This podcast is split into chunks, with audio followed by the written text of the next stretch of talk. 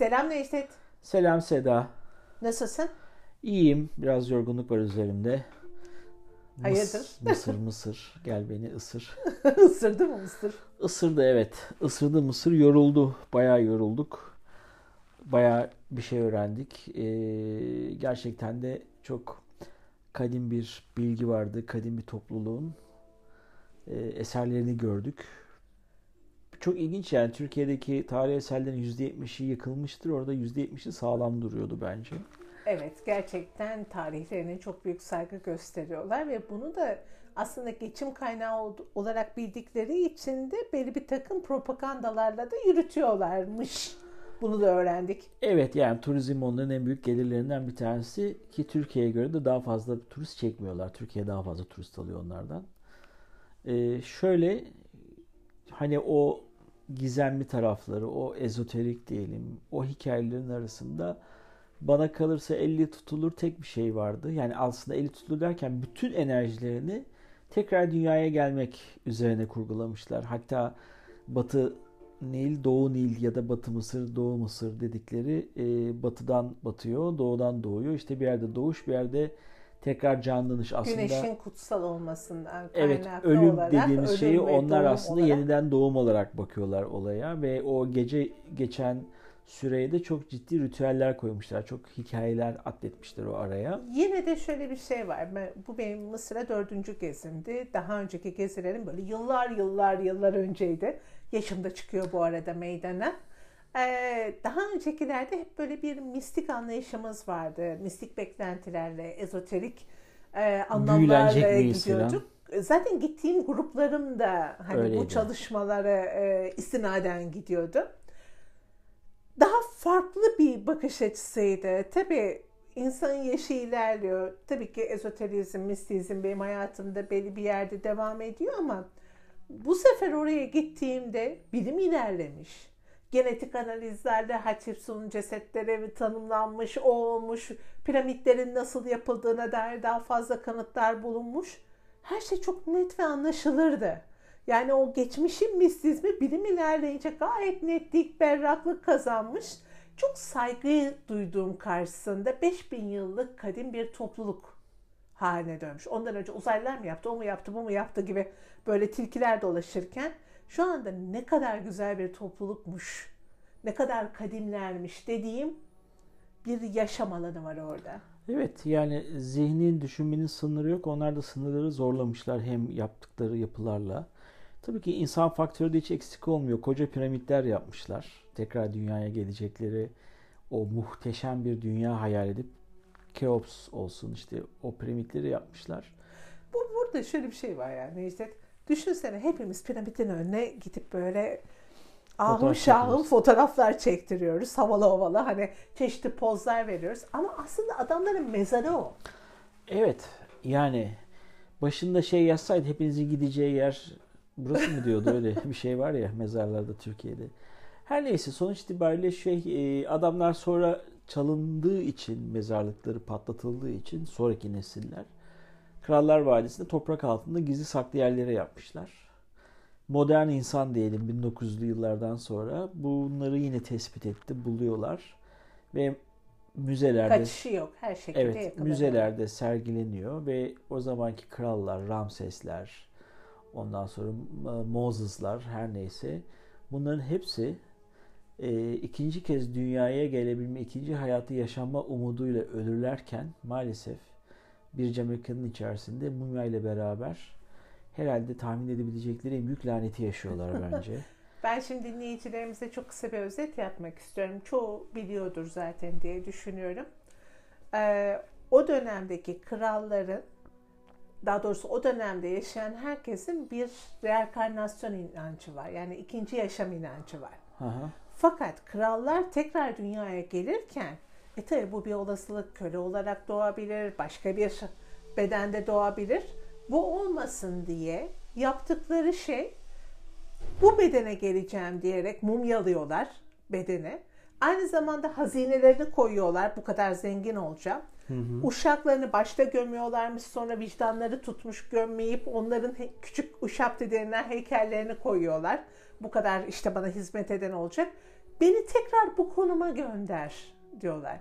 Şimdi bakıldığı zaman bir anda ikinci yaşam hani devam etmesiyle alakalı belli bir inanç var.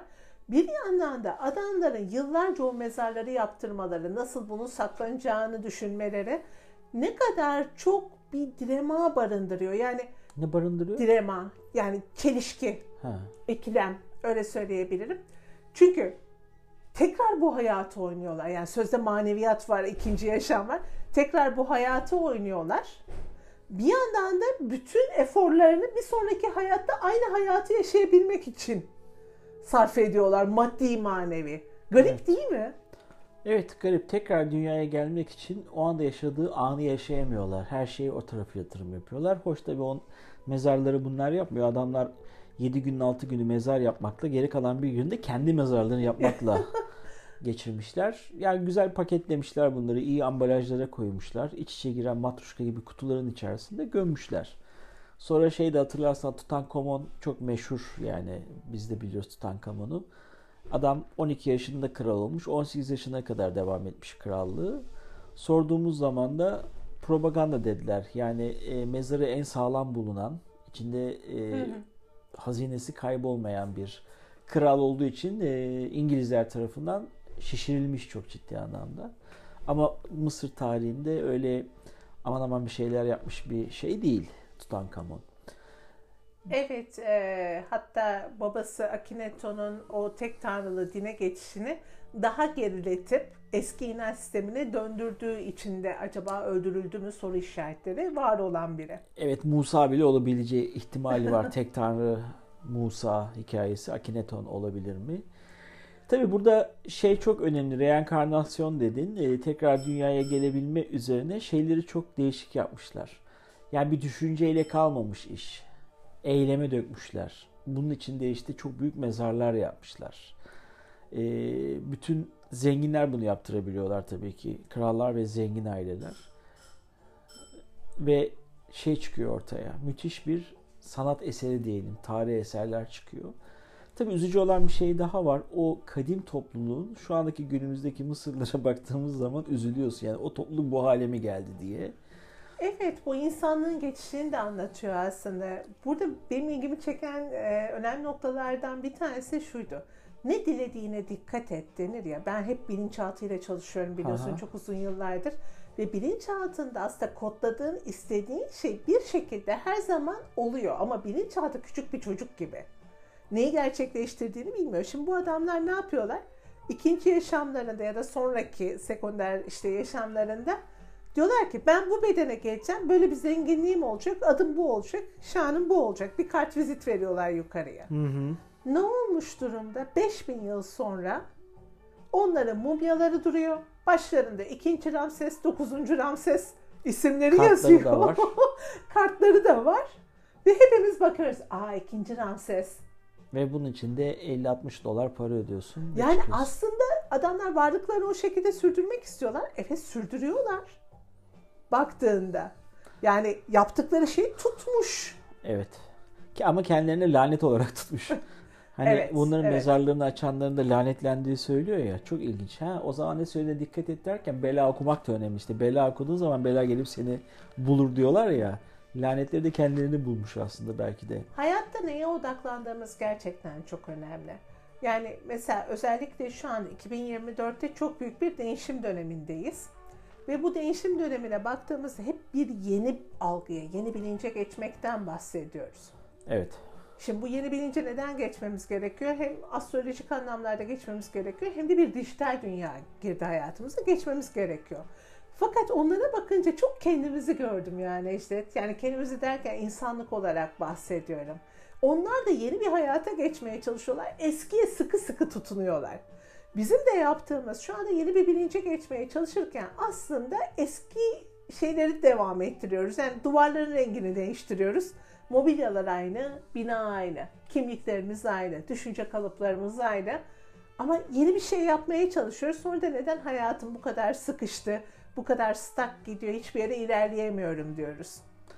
Evet, ben yine reenkarnasyon konusunda ee, onlar daha böyle işi şeye çevirmişler. Metaya yani fiziksel bir bedene geleceklerini varsaymışlar ve e, aynı bedene geleceklerini çok komik üstüne yaptıkları o tabutların üzerine resim yapıyorlar ki ruh geldiği zaman karıştırmasın. bu yanlış bedene gitmeyeyim ben tarzında. E, bu reenkarnasyonla da alakalı seninle zaman zaman konuşuyoruz. Yani tek, insanın kamil olma, tekamülü, te, te, tekamül müydü? Neden bahsediyorsun? Tamam, Tekamül, ha, evet. tekamülünü tamamlama üzerine. Kimi 5 defa geliyor, kimi 25 defa geliyor herhalde diye düşünüyoruz bunu.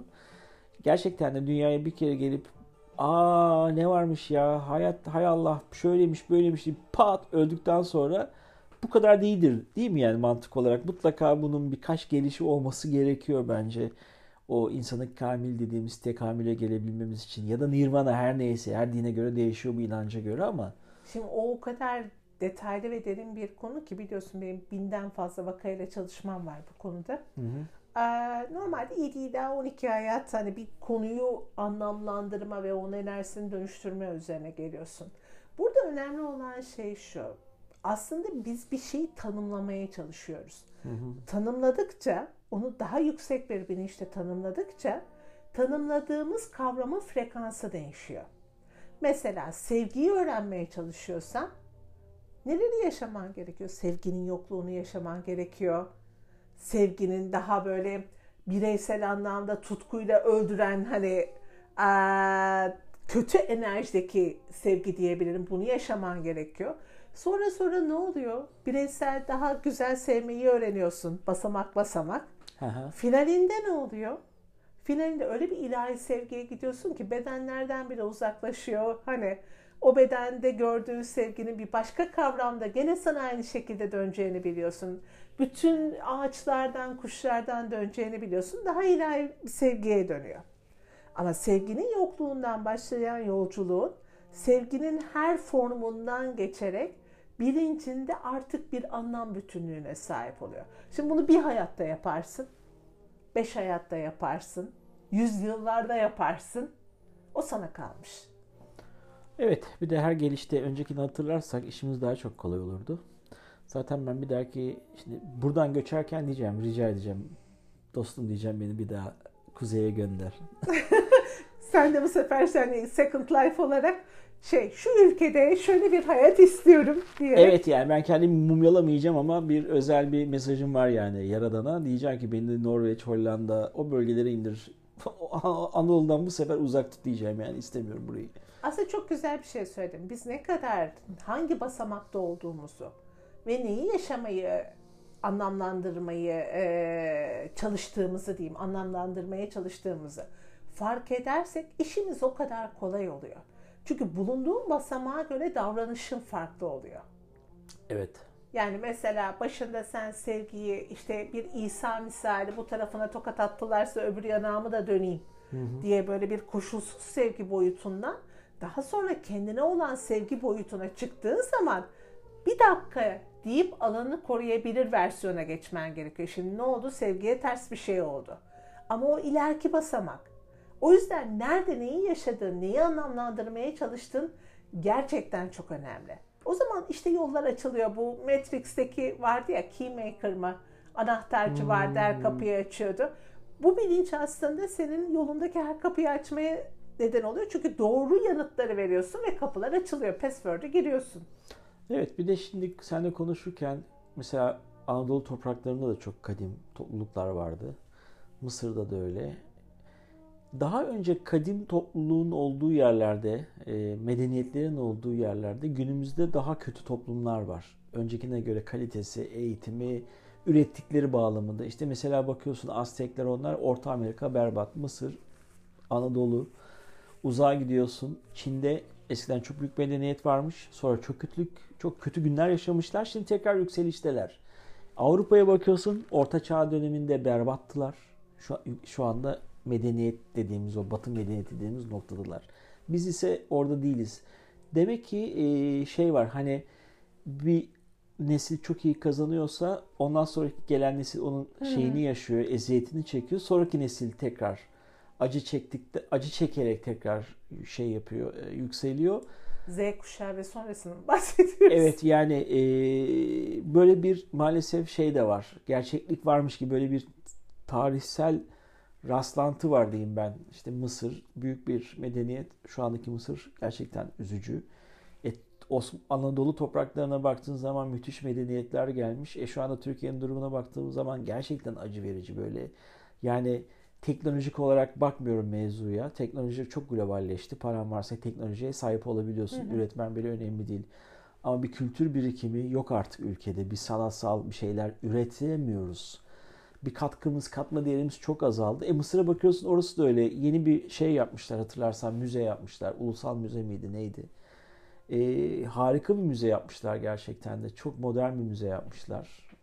Evet ben de çok beğendim. Çünkü kadim Mısır medeniyetinden hatta 30 bin yıl önceki iskeletten başlıyor mağara döneminde eşyalarıyla beraber bulunmasından. Hı hı. Daha sonra üzerine gelen çeşitli kültürlerin ve dinlerin nasıl işte Romalıların nasıl değiştirdiği, Hristiyanların nasıl değiştirdiği, İslam'ın nasıl o e, kadim medeniyeti değiştirdiğini böyle bir tarih yolculuğunda sana gösteriyorlar. Evet çok güzel tarih yolculuğu yaptırmışlar.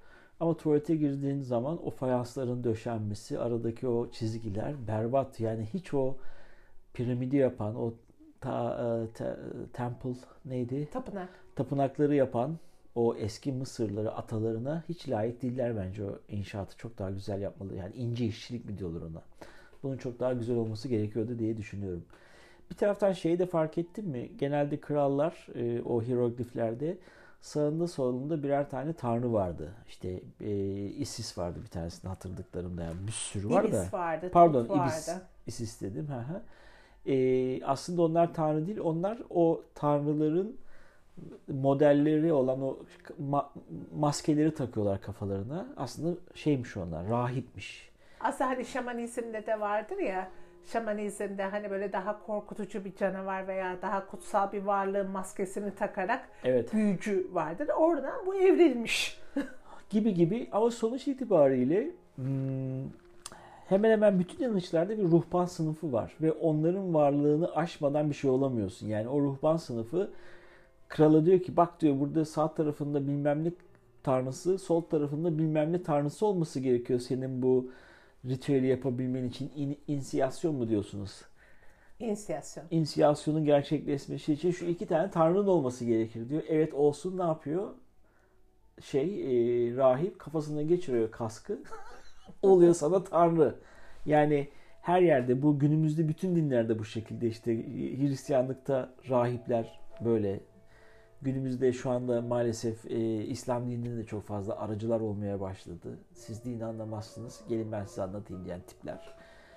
Bu ilginç bir şekilde e, insanlar kendi yarattıkları bir sistemle kendilerine ket vurmuşlar. İnançlarına da ket vurmuşlar yani. Ya şöyle bir şey var. Ee, şu anda yaşadığımız bu güçle alakalı bir bilişsel anlamda bir gücü algılamaya çalışıyoruz. Zaten güç olmazsa hayatımızı sürdüremeyeceğimizi düşünüyoruz. Bu bizi survival modda tutuyor, streste tutuyor. Ama geçmişe de baktığında, o kadim medeniyetlere de baktığında güç odaklı yani. İşte Tanrı ile kendini kıyaslayan heykeller koymuşlar. İşte evet. kendini Tanrı'nın oğlu, Tanrı'nın kızı ilan etmişler ki ben güçlüyüm, benden korkun, benden uzak durun diye.